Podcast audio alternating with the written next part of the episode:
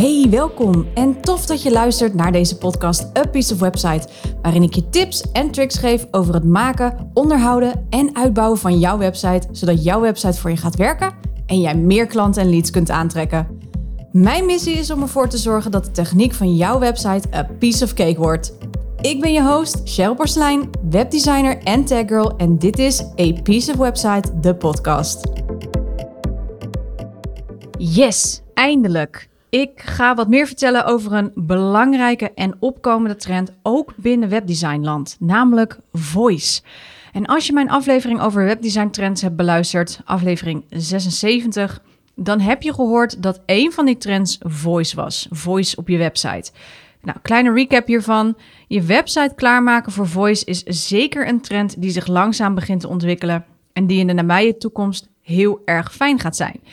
Want tegenwoordig praten we meer tegen onze apparaten dan dat we daadwerkelijk lezen en typen. Steeds meer mensen hebben een Google Home op, uh, of Alexa thuis staan. En uh, of, tegenwoordig hebben we de Google Assistant op Android of Siri op Apple, die we allemaal natuurlijk wel kennen.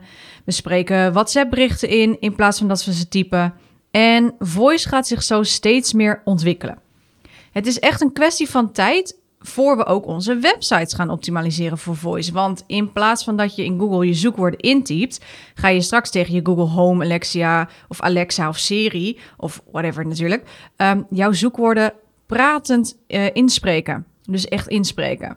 En SEO is en blijft ontzettend belangrijk, maar de tone of voice zal hier zeker wel in gaan veranderen. Heb ik in een aantal uh, verschillende artikelen gelezen. Um, dus ja, het is een heel boeiend, uh, heel interessante ontwikkeling.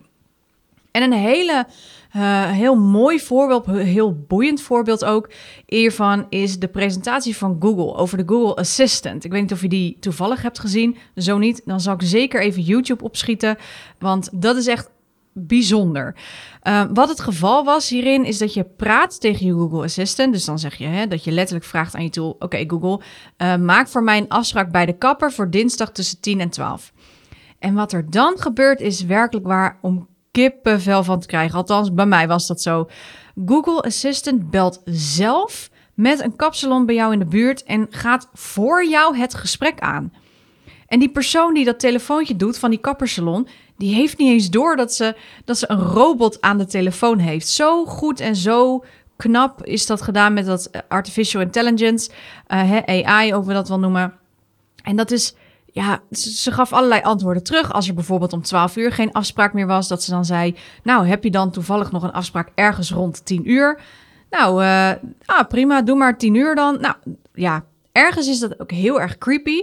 Want elke keer als ik dan die video kijk, ik krijg daar echt mijn nekharen gaan er overeind staan, omdat het zo echt klinkt. Maar het reactievermogen van zo'n spraakgestuurde tool is natuurlijk ontzettend knap. Hè? En ja, mijn inner nerd wordt daar gewoon heel erg blij van. Anyhow, dit is natuurlijk wel wat we al zien en uh, wat we ook al kennen op onze smartphones. Nou, ook al wordt hier nog niet heel erg veel gebruik van gemaakt. Google, maar ook Apple is zeker zich aan het ontwikkelen. En het gaat wel degelijk in de toekomst veel meer worden. Um, we zien ook steeds meer mensen een Google Home of een Alexa aanschaffen. We hebben al een hele tijd Siri op onze Apples. Um, voice is here to stay, zoals Igo Beuker dat mooi zegt. Um, maar ik zie dus ook een interessante ontwikkeling in voice, um, namelijk op een andere vlak. Uh, de, de spraakgestuurde zoekopdracht. En wat ik al zei, in plaats van dat we onze zoekwoorden intypen in het zoekveld van Google, spreken we dat in. Nou, Google is er dus al lange tijd mee bezig en dat zie je ook. Want wanneer je naar google.com gaat bijvoorbeeld en de zoekbalk tevoorschijn komt, waar je normaal gesproken in zou typen, zie je aan de rechterkant geen vergrootglas meer staan, maar een heus microfoontje. Je kunt dus al een spraakgestuurde opdracht ingeven. Nou, dit heeft op zich redelijk veel effect op SEO. Ehm, niet zoals je verwacht, maar meer op een ander vlak. Want wat moet jij nou doen om je website te optimaliseren voor voice? Nou, goed nieuws, dus niet zo heel erg veel. Het blijft nog steeds een kwestie van goed weten van uh, wat jouw klant of bezoeker op je website nodig heeft, zoekt en uh, wat je als doel hebt natuurlijk voor je website. Komt ie weer. Denk bijvoorbeeld aan openingstijden. Als je een winkel hebt bijvoorbeeld, uh, in plaats van dat we het intypen openingstijden van winkelnaam bijvoorbeeld, zeggen we hoe laat gaat en dan de winkelnaam open. Nou, op jouw website moet dan sowieso ergens het woord natuurlijk staan met openingstijden, zodat Google dat kan oppakken. Het gaat dus niet zozeer om andere teksten. Het blijft nog steeds heel erg van belang dat je antwoorden geeft op vragen die jouw bezoekers beantwoord willen hebben als ze op je website terechtkomen. Dus goed nieuws voor jou. Je hoeft niet meteen je hele website om te gooien en nieuwe teksten te schrijven. Wat ik wel belangrijk vind, en dat geldt natuurlijk ook altijd voor de standaard teksten die je schrijft, is dat je niet per se moet gaan schrijven voor SEO aan zich.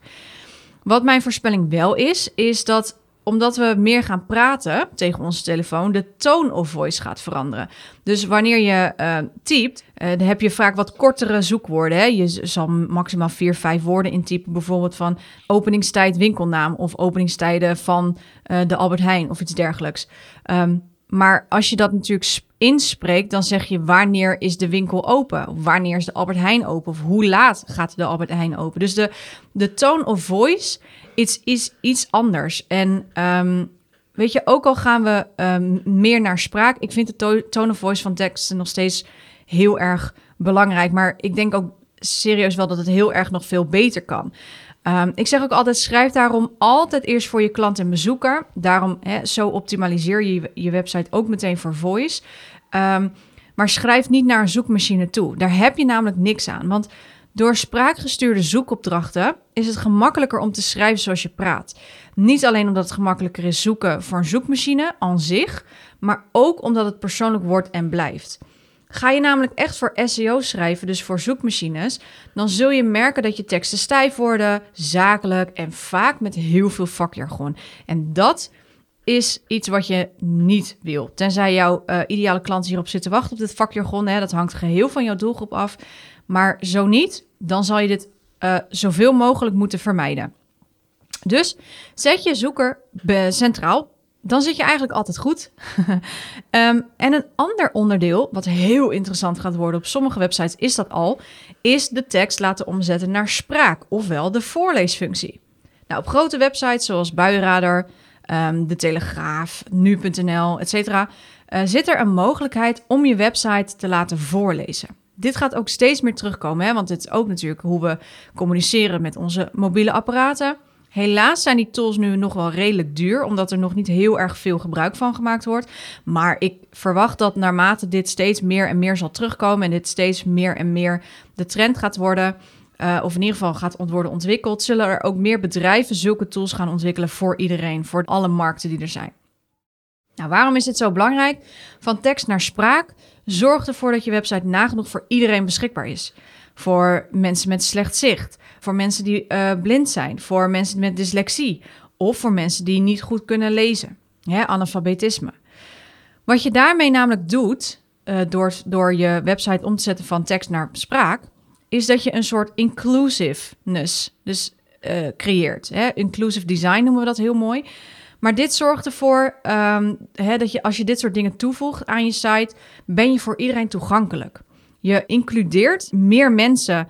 Um, en zo zijn er nog veel meer van dit soort tools en trucjes hoor. En ik denk aan tijdzones plaatsen op je site als je internationaal werkt. Evenals currency, hè, dus verschillende prijzen uit verschillende landen. En dat maakt dat je mensen zo min mogelijk uitsluit. Eigenlijk bijna niemand. Want ook al heb jij een ideale klant, deze ideale klant kan maar net toevallig slechtziend zijn. Dat betekent net, eh, niet meteen dat deze persoon geen ideale klant kan zijn. Die heeft nog steeds jouw hulp nodig bij bepaalde dingen. En als je een website daardoor een voorleesfunctie aanbiedt, dan kun je ook deze mensen bereiken en sluit je dus niemand uit.